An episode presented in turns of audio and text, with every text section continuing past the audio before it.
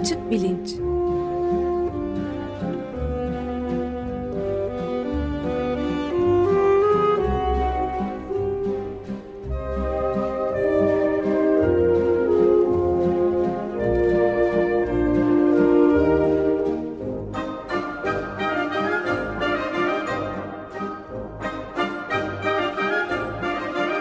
Güven Güzeldere ile bilim ve felsefe sohbetleri. Günaydın Güven Bey, merhabalar. Günaydın Ömer Bey. Evet, e, Can bu haftada yok. İkinci haftasını yapıyoruz. Ee, kokular üzerine, e, kokular kitabı, parfümler, daha doğrusu bilim, felsefe ve sanatta Tad Algısı serisinin ikincisini yapıyoruz. Vedat Ozan'la birlikte bu sefer ben tanıtım yaptım. Merhaba. Merhaba, hoş geldiniz. Merhaba, hoş geldiniz Vedat Bey. Hoş bulduk efendim. Ee, Vedat Ozan'ın e, koku programının e, Açık Radyo'da yaptığı ve 150 programdan e, fazla süren e, çok zengin içerikli programın bütün e, kayıtlarına podcast olarak ulaşmak, dinlemek mümkün. Ben bunları Açık Bilinç Twitter sayfasında yerleştirdim. E, oradan bakılabilir. Geçen programda daha ziyade kokuyla ilgili temel meselelere değinmeye çalışmıştık. E, bugün belki biraz kokunun e, tatla ilgisi, beslenme endüstrisindeki yeri, e, aynı zamanda parfüm endüstrisi. Geçen hafta bu soruyla bitirmiştik. Parfüm endüstrisi koku duyusunu niye bu kadar domine ediyor diye. E, ben e, şu soruyla başlayayım. Yine gelecek, geçen hafta konuştuğumuz meselelerden birine temas ederek. E, Vedat Bey siz dediniz ki e, kokunun aslında iyi ya da kötü olarak e, kategorize edilmesi ya da belki itici ya da çekici bulunması e, kültürel bir olay. Ya da en azından kısmen kültürel bir kısmen. olay. Çünkü e, dışkı kokusundan hiçbir... E, rahatsızlık hissetmediği anlaşılan küçük bebekler daha sonra e, tuvalet eğitiminin ardından e, başka bir tutum e, sergilemeye başlıyorlar. E, genel olarak insan türü için ya da başka türler için e, bir çekici itici koku e, kutuplaşmasından e, yani içkin olarak e, kültürden önce gelen bir biyolojik iticilik çekicilikten bahsetmek e, te aynı zamanda mümkün mü yoksa bunların hepsi kültürel kodlarla ve öğrenmeyle yerleştirilen şeyler mi? Bu, bu soruyu da şimdi soruyorum çünkü aslında sonra e, kokunun besin endüstrisinde nasıl kullanıldığı, parfüm e, sektörüne nasıl girdiği herhalde buradan da e, bir şekilde bağlanacak. Hı hı. Hı hı. Ee, yani kültürel bağlamı dışarıda tutarsak tabii çekici olma faaliyetini üreme temelli ilişkiler diye de daha bir e, konsantre hale getirirsek tabii üreme bölgelerinin e, yaymış oldukları kokuların temelde aslında sonra üzerine yazılan kültürel bilgilerle beraber dışlanmış olsa da temelde bir çekicilik yarattığını söyleyebiliriz. Ancak dediğim gibi o kadar çok şey var ki yani o bizim biyolojik çekirdeğimizin etrafına ördüğümüz koskocaman bir sosyal kabuk var ve o sosyal kabuğun içinde pek çok parametreyi değiştirmişiz biz. E, dolayısıyla bu da gene şeye mahkum gibi. E, kültürel olarak nereye yönlendirildiğimize mahkum gibi bir durum olarak ortaya çıkıyor e, işte üreme bölgelerine yakın e, koku profilleri tarih içinde de zaten zaman zaman revaçta oluyorlar ki e, buradan parfüme giriş yapmak durumundayım. Parfümlerde kullanılan malzemelerin bir kısmı hayvansal kökenli malzemeler yakın zamana kadar e, tarih boyunca. E, ve bunların da işte en e, bilindikleri misk, amber, sivet gibi bir takım e, kokulu ürünler, kokulu hayvansal ürünler. Bunların hepsinin koku profillerine baktığımız zaman zaten aşağı yukarı böyle tırnak içinde kirli. E, yani İngilizce çok söylemeyi sevmiyorum ama dirty diyebileceğim ama dirty derken burada biraz biraz şey Kötücü. muzur muzur dirty gibi yani.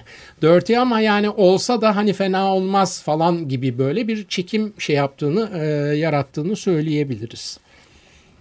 Ama dediğiniz gibi yani iyi kötü güzel çirkin gibi böyle e, sert hatlarla e, sınırları belirlenmiş kelimeler koku duyusu için çok fazla e, geçerli değil. Tatta böyle bir şey yok. Tatta mesela işte acılara karşı bir şeyimiz var, tepkimiz var. Çünkü onları biz zehir olarak kabul ediyoruz.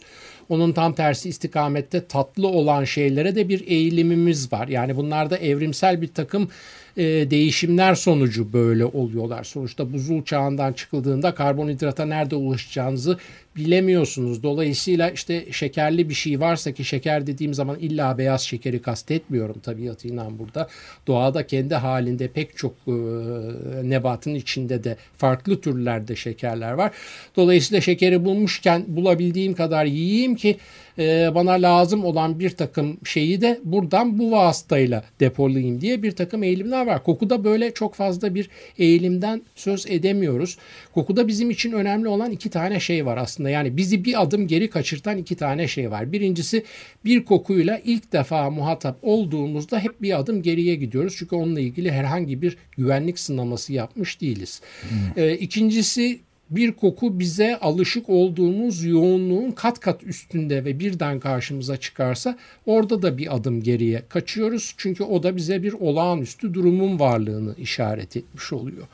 Dolayısıyla yeni koku bir çok güçlü koku iki bunlar hep bizim şey yaklaştığımız e, böyle biraz tedbirli yaklaşma ihtiyacı hissettiğimiz kokulu durumlar olmuş oluyor ki e, bu e, mesela koku yoğunluğunun fazla olmasının bizi temkinli davranmaya itmesini aslında biz beslenmemizin içinde de görüyoruz.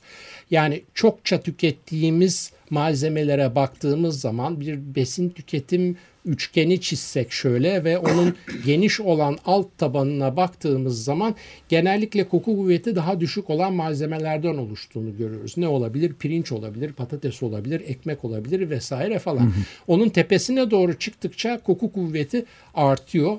Bu da ne demek? Tepesine doğru çıktıkça daha az tüketiliyor. Lokmalar küçülüyor. Toplamda da tüketim miktarımız azalmış oluyor. Ee, benim gençliğimde e, beslenme uzmanlarının bir klişe tanımı vardı ki o klişe tanım hala devam ediyor. Bir kibrit kutusu büyüklüğünde beyaz peynir diye böyle bir şey var. Bir tanım var. Mesela bir kibrit evet. kutusu büyüklüğünde beyaz peyniri bir kere de ağzımıza götürüp yiyebiliyoruz ama aynı büyüklükte bir Roquefort peynirini asla bir kere de ağzımıza götürüp yemiyoruz. Aynı para olsa da yapmıyoruz. Ekonomik bir değerlendirme değil çünkü bu. Ee, koku kuvvetiyle beslenme arasındaki ilişkiyi en şey e, en e, basit bir şekilde böyle açıklayabiliyorum ben. Yani beyaz peynir ve roquefort. Tabii bu bir tek koku duyusuyla ilgili değil. Yani diğer duyularda da buna benzer durumlar yaşıyoruz. Mesela e, bir kaşık pilavı bir kere de ağzımıza götürüp atıyoruz. Dokunma duyusuyla ilgili bir şey söylüyorum ama bir avuç fındığı hiçbir zaman bir kere de ağzımıza götürüp e, yemiyoruz. Çünkü şey doku fark, dokunun sertliği fark etmiş oluyor burada. E, gene ben sorunuzdan çok uzaklara gidip bir takım şeyler söyledim farkındayım ama e, bu şey lezzet konusunda biraz şeyim. E, yanlış tanımlandığı için biraz takıntılıyım. Yani e, öncelikle lezzetle ilgili bütün tanımların tat üzerinden gitmesine biraz muhalifim. Çünkü tat duyusu aslında dikey derinliğe sahip bir duyu. E, koku dediğimiz zamanda tam tersine böyle yatay bir çeşitliliğe sahip bir duyudan bahsediyoruz. Dikey ne demek? E, dikey dediğim yani çok e, az sayıda kulvarı derinliğine inceliyor. Hmm. E, ki işte tat dediğimiz zaman tatlı, tuzlu, acı, ekşi e, bir de umami'yi katabiliyoruz bunun yanına. Onun dışında bir şey yok. yok. Fazla bir ayrım hmm. yok. Onun kendi içindeki oynamalarından bir takım sinyaller alabiliyoruz. Ama e, mesela yediğimin tadı güzeldi dediğimizde aslında orada yanlış kelimeyi kullanıyoruz. Çünkü bu durumu saptamak ve bununla ilgili bir şey söylemek tek başına tat duyusunun karşılayabileceği bir şey değil. değil. Şöyle bir örnek vereyim. Ee, mesela %25 şekerli bir muhallebi pişirdik veya %25 şekerli bir sütlaç pişirdik. Aslında tat duyumuz açısından baktığımızda ikisi de %25 şekerlikte dolayısıyla ikisi birbirinin aynısı olması lazım ama biz başka şeyler yediğimizi biliyoruz. Dolayısıyla aslında toplam bir kavramdan bahsediyoruz. Hı hı. İçinde tadın da yer aldığı bir toplam kavramdan evet. bahsediyoruz. Ee, ve bu toplamın içinde ki toplam besin algısı diye de bunu isimlendirebiliriz. Koku duyusunun rolü çok fazla çünkü yediğimizi ve içtiğimizi tanımlama imkanını büyük bir çoğunlukla koku duyusu veriyor. Tanımlamayı yapmadan haz veya keyif de gelmiyor zaten peşinden. Ee, nasıl örneklerle bunu daha anlaşılabilir kırılabilirim? Şöyle e, mesela nezleyken bir şey yediğinizde e, hiçbir lezzet alamamanız. Ki orada da mesela ağzımın tadı yok nezleyim diyoruz. Halbuki ağzımızın tadı var. Ekşi yiyorsak fark ediyoruz tuzlu yiyorsak fark ediyoruz. Bir başka örnekte şu olabilir. E, içmek istemediğiniz bir ilaç hoşunuza gitmediği bir öksürük şurubu içeceksiniz içmek zorundasınız. Lezzeti hoşunuza gitmiyor. Burnunuzu tıkadığınız zaman içebiliyorsunuz. Evet. Yani şeyin e, o, o toplamın içinde kokunun rolünü izah etmek için basit örnekler olarak bunları genellikle Peki minik bir parantez açayım ben de gene. E, bu koku duyusu doğuştan olmayan ya da az gelişmiş hı hı. olan insanlarda e, tad alma meselesi nasıl e, çeşitlenebiliyor olabiliyor mu yani? Yani tabii koku duyusunun e, doğuştan olmaması veya ileride kaybolmaması çok büyük bir problem. Hı hı. Şimdi çok ilginç bir şekilde e, doğuştan olanlarda değil ileride olanlarda bunlar herhangi bir şekilde sigorta kapsamına da girmiyorlar. Yani e, Allah vermesin bir trafik kazası geçirdiniz ne bileyim ben işte gözünüzün biri çıktı diyelim. Mesela onun karşılığında sigortadan bir şey alabiliyorsunuz ama koku duyunuzu kaybettiğinizde bunun bir şeyi yok. Karşılığı yok. Bunun tabii. bir karşılığı yok. Ee, anozmia dediğimiz durum, ozmos e, koku demek, an da yokluk eki Yunanca e, anozmia dediğimiz bir durum oluyor koku alamama haline ve pek çok alanda etkisini gösteriyor. Yani üreme faaliyetinde etkisini gösteriyor, beslenmede etkisini gösteriyor, anıların geri çağrılmasında etkisini gösteriyor. Ciddi bir şey e, düşüklüğü. E, yaşam e, yaşam kalitesinde Kalite, ciddi evet. bir düşüklüğün sebebi olabiliyor tabii. Evet ben de burada bir ekleme yapayım. Aslında buna benzer bir şey benim e, başımdan geçti. Bir polip hmm. problemi yüzünden e, giderek daha az koku alabilir hale geldiğim bir dönemde üstüne bir de e, askerliğimi yaparken e, alerjik bir takım e, durumların oluşması sonucunda neredeyse hiç koku alamaz hmm. e, hale gelmiştim.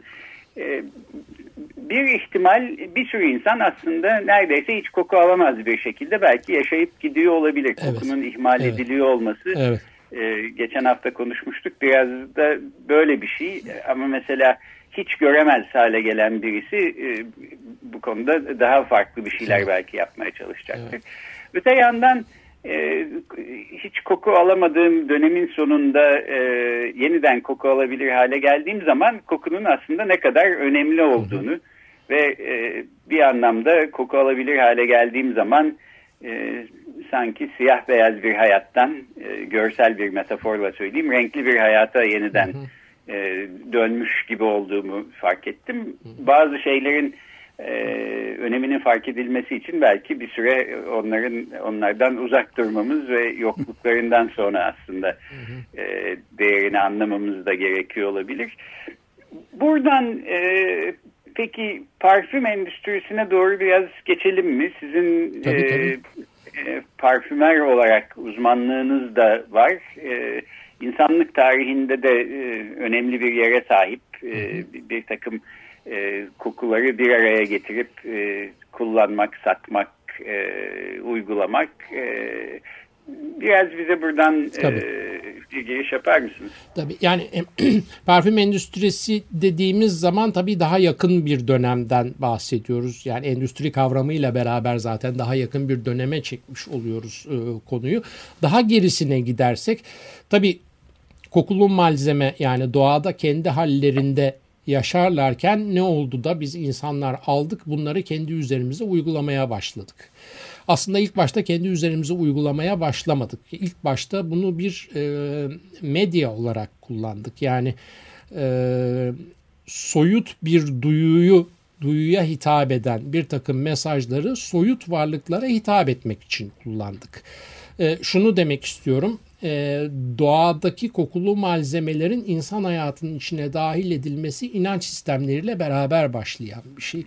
E, çok tanrılı dinler döneminden bahsediyorum. Zaten parfüm kelimesinin kökenine baktığınız zaman da e, buraya geliyoruz. Çünkü E, o dönem için herhangi bir kompozisyon bilgisi yok. İşte ağacın kökü, çiçek, reçine vesaire neyse ateşin üzerine atıp yükselen dumanla beraber e, tanrılara mesaj göndermek. Bu bir şükran olabilir, bu bir talep olabilir. E, işte o dumanla beraber de zaten kelime doğuyor. Fumum duman demek, perfumum da dumanla beraber yükselen demek. E, dolayısıyla inanç sistemlerinin ilk ve en bilinçli uygulayıcıları olduğunu görüyoruz. Ki e, bugün pazarlama dünyasında artık mesela görsel mesajlardan yorulmuş olan tüketiciye farklı duyular kullanılarak mesaj verilmesi amaçlanan e, sensual marketing veya duyusal pazarlama denilen bir akım var. Bunun bile örneklerine rastlıyoruz aslında biz şeye indiğimiz zaman, inanç sistemlerine indiğimiz zaman. Özellikle tek tanrılı dinler döneminde ki bütün tek tanrılı dinlerde bir şekilde parfüm e, gerek e, inanç sisteminin prensiplerini açıklayan kitap gerekse inanç sisteminin önderinin hayatının içinde yer alıyor. Yani mesela ilk evet. yazılı parfüm örneklerinden, parfüm formülü örneklerinden bir tanesi şeyin içinde, Tevrat'ın içinde var. Şemen Hamişah diye bir kokulu yağdan bahsediliyor orada. Ee, 4-5 tane içerik malzemesi var. Çok zor ulaşılan içerik malzemeleri. Bir de taşıyıcı ortam var. Çünkü kokuyu bir ortamın içinde taşıtmanız lazım. E, bugün nedir? Bugün o taşıyıcı ortam alkoldür. Yani bir şişe parfüm aldığınızda koku moleküllerinin dışında bir de alkol vardır. O alkol o koku moleküllerini taşır. E, Tevrat'taki örnekte de zeytinyağının e, verildiğini görüyoruz taşıyıcı ortam olarak ki 1700'lere kadar zaten üretilmiş bütün parfümler aslında yağ formunda parfümlerdi. Neşideler neşidesinde de galiba evet, Tevrat'ta e, çok yaygın değil çok, mi? Koku çok. meselesi. E, Şemen Hamişah aslında ilginç bir şey çünkü Mişah Arapçada mes kelimesine dönüyor. Mes etmek, e, yoğmak, ovalamak anlamına geliyor. E, mes edilen kişiye de Mesih deniyor. Hmm. E, Mes'in Yunancası Hrein, Mesih'in Yunancası da Christos. Dolayısıyla çok farkında değiliz hmm. ama gene kokudan başlayaraktan Jesus Christ Superstar'a kadar gelen yani, böyle bir izlek var yani bu işin peşinde. E, devamında tabii e, şeyde de e, Hristiyanlıkta da daha Hazreti İsa'nın doğumunda işte o Epifani Festivali'nin kutlanması 6 Ocaklar vesaire 3 e, müneccim veya doğunun 3 kralının e, bebeği ziyarete gidişi ve giderken birer tane hediye götürmeleri. Götürdükleri hediyelerden bir tanesi altın, bir tanesi e, günlük ağacı dediğimiz frankincense, diğeri de mürrü safi dediğimiz mir. Yani giden üç hediyenin ikisi kokulu ikisi hediye kokulu, evet. ve en az altın kadar değerli olduğunu varsaydığımız şeyler. E, İslam'a geldiğimiz zaman Kur'an'ın içinde demin bahsetmiştim bir takım hayvansal malzemelerin e, parfümlerde kullanıldığı ki bunların en yaygın kullanılanı misktir mesela. E, Kur'an'ın içinde misk kelimesinin geçtiğini görüyoruz. Gene işte e, inanç sisteminin önderinin yaşam pratiklerine baktığımız zaman da koku ve parfümü çok fazla yüceltmiş olduğunu e, hmm. şahit oluyoruz. Ama tabii tarih boyunca hep inanç sistemlerinin tekelinde kalmıyor kokular. E, ilk başta öyle malzemeyi olduğu gibi ateşin üzerine atarak kokusundan istifade etmek yavaş yavaş bir kısım malzemeyi bir taşıyıcı ortamın içine koyalım. Sonra o malzemeyi çıkartsak bile o sıvı taşıyıcı ortamı bir koku verme aracı olarak kullanabiliriz. Yani bir ilk parfüm yapımları ortaya çıkıyor. E, şu konuda bir yanlış anlamanın olmaması lazım yalnız. Bizim son e, aşağı yukarı 90-100 yıldır yaşadığımız özellikle son 15-20 yıldır e, iyice bir ivme kazanmış şekilde hayatımızın içine giren parfüm kullanımının yüzlerce yıl boyunca mümkün olmadığını bilelim. Yani parfüm öyle bir bugün gitseniz en basit bir marketin çıkışında bile kasanın yanında 3 liraya 5 liraya bir parfüm bulabiliyorsunuz. Hayır, tarih boyunca parfüm bu kadar kolay ulaşılabilen bir şey değil. Çok zor ulaşılabilen, çok az kişinin sahip olabildiği bir ayrıcalık. Yani hani lüks kelimesinin bir tanımı yapılmak isteniyorsa lüks aslında parfüm. Ee, sadece de e, bu kompoze malzeme sadece de bir hoşluk algısı yaratmak veya bir çekim yaratmak amacıyla kullanılmıyor bütün tarih boyunca. Çünkü e, bir dönemde tıp e, kokulara ihtiyaç duyar hale geliyor. Çok uzun bir dönem boyunca e, özellikle Avrupa tıbbına damgasını vurmuş olan bir miyazma teorisi var. Ki hmm. bu teorinin geçerli olduğu dönemler işte insanların on binlerle kırıldığı o vebalar, koleralar, salgın hastalıklar dolayısıyla e, on binlerle kırıldığı dönemler ve e, bakteri ve mikrobun bilinmediği bu dönemlerde hastalıkların sebebi kötü hava ve kötü koku olarak izah ediliyor. Hatta kötü kokudan isim almış hastalıklar var. Sıtma dediğimiz hastalık malaria yani kötü hava hmm. e, isim almış bir şekilde. Dolayısıyla bu dönemde bir sebep sonuç ilişkisi kurmanın e, yanlışlığı diyebileceğimiz bir durum. Çünkü hastalık olan bölgelere gittiğiniz zaman hakikaten kötü kokuyor o bölgeler ama o kötü koku aslında hastalığın sebebi değil sonucu olarak ortaya çıkmış oluyor.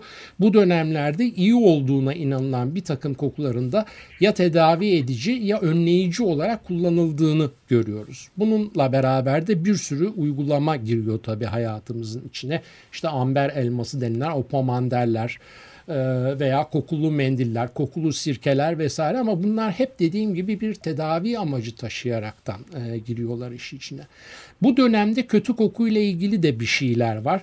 E, kötü hava ve kötü koku insanı hasta ediyorsa biz cildimizi bunlara ne kadar mahfuz bir hale getirirsek hastalıklardan da o kadar azade oluruz diye inanılıyor. İşte yıkanmanın out olduğu, insanların yıkanmayı tercih etmediği dönemler de bu dönemler zaten. Hep söylenir Fransızlar pisti onun için parfümü icat ettiler. Evet Fransızlar pisti ama pis olmak için pis değildiler. Hasta olmamaya çalışıyorlardı aslında. E, dolayısıyla yıkanmıyorlardı. Tabii ondan sonra işte mikropların, bakterilerin, e, bilim insanlarının çabalarıyla insan hayatının içine girmesiyle beraber bütün bu trend tersine döndü ve yıkanmanın e, tırnak içinde out olduğu dönemden in olduğu dönemlere gelindi. E, bunlar tabii parfümlerin imalatı üzerinde de çok etkili oldu. Çünkü artık tıp amacıyla bir e, kompozisyon, kokulu kompozisyon üretmek daha çok e, bir hoşluk algısı yaratmaya dönüştü ve devamında da parfüm endüstrisi geldi. Bugünkü yaygınlık parfümlerdeki bugünkü yaygınlığın birkaç tane sebebi var. Birincisi e, parfümlerin o yağ formunda olmaktan çıkıp alkole taşınmaları. Çünkü alkol çok daha ucuza ve çok daha kolay elde edilebilen bir taşıyıcı ortam. E, ikincisi tabii e, doğada mevcut bir takım malzemenin içinde kokunun karakteristiğini veren bazı moleküllere tek tek ulaşma şansını sanayi devrimiyle beraber gelen bir şey bu.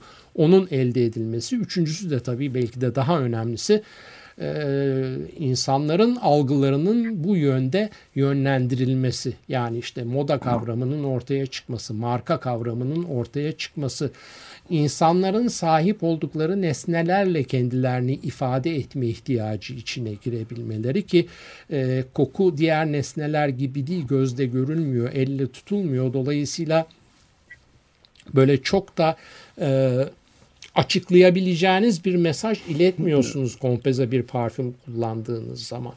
Evet. Acaba sorunuzun cevabı oldu mu? Gene reklam, ben reklam ve halkla ilişkiler evet, evet endüstrisinin yani. tabii, tabii. büyük bir e, tabii. şey var. Aslında şunu da söyleyeyim. Yani biz e, hep parfüm diyoruz ama endüstrinin toplamına baktığımız zaman parfümler e, koku endüstrisinin taş çatlasın %9 %10'unu karşılıyor. Tabii yani çok geriye çok kalan ilginç. ve parfümlendirilmiş ürünler diyebileceğimiz çok geniş bir hmm, ürün ailesi evet, var. var ee, işte deterjanlar, yumuşatıcılar, bakım kremleri vesaire bunların içine konulan kokular o ürünün işlevine hiçbir şey katmıyor ama iki şeye yarıyor. Birincisi bizim satın alma kararımızı etkiliyor.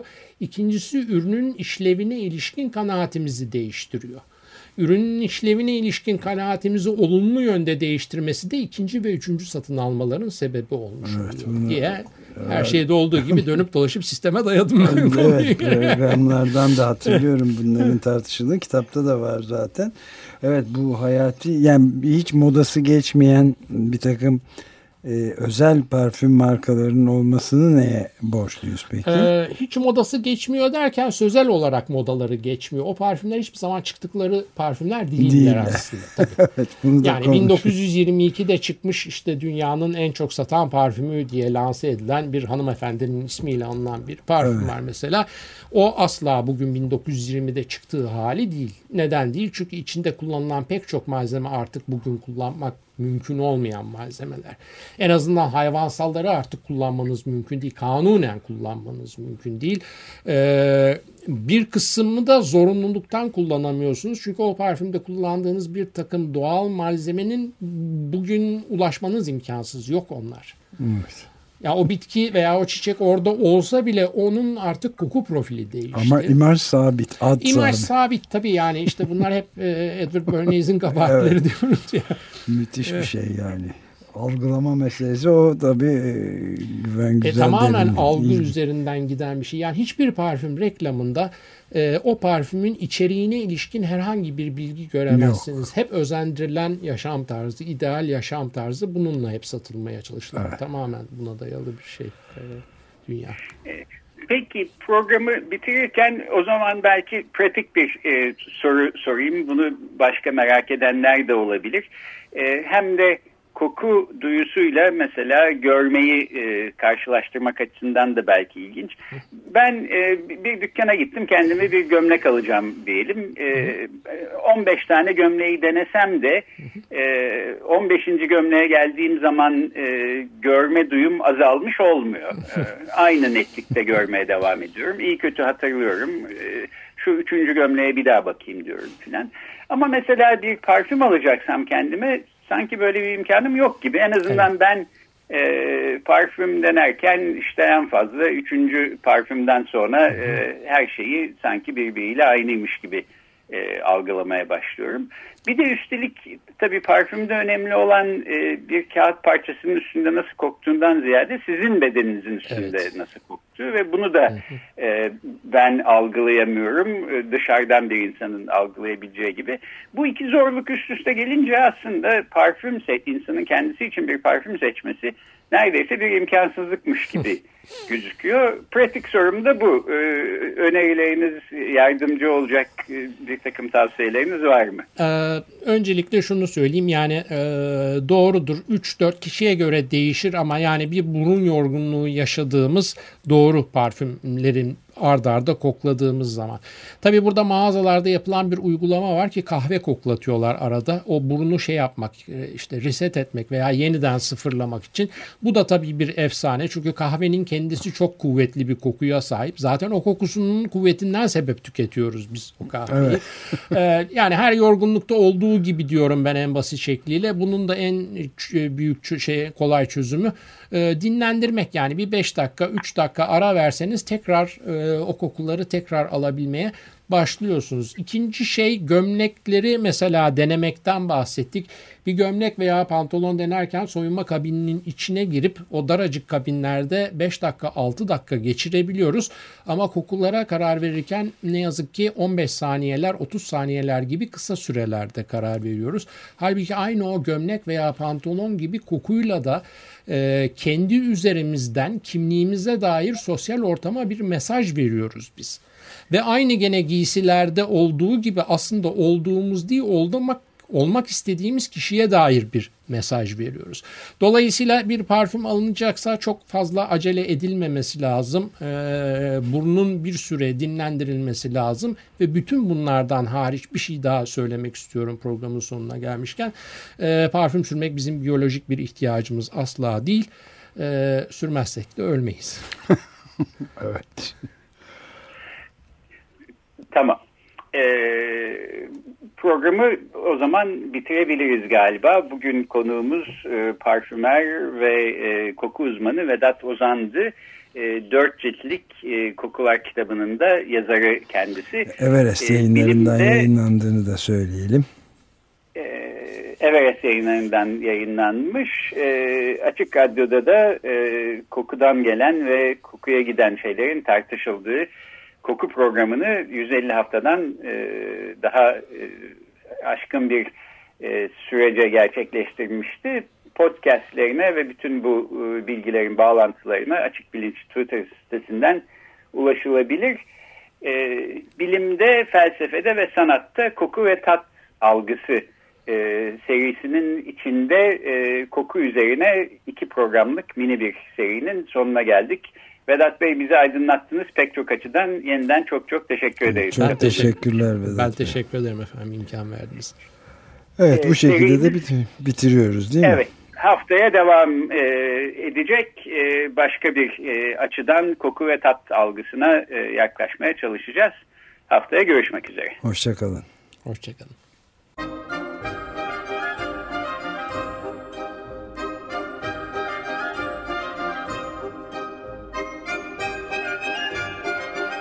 Açık Bilinç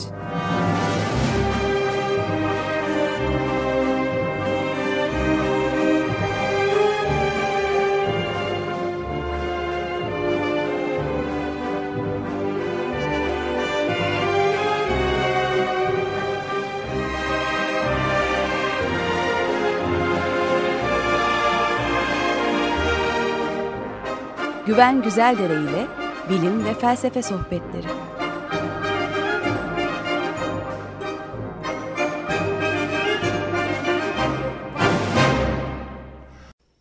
Açık Radyo program destekçisi olun.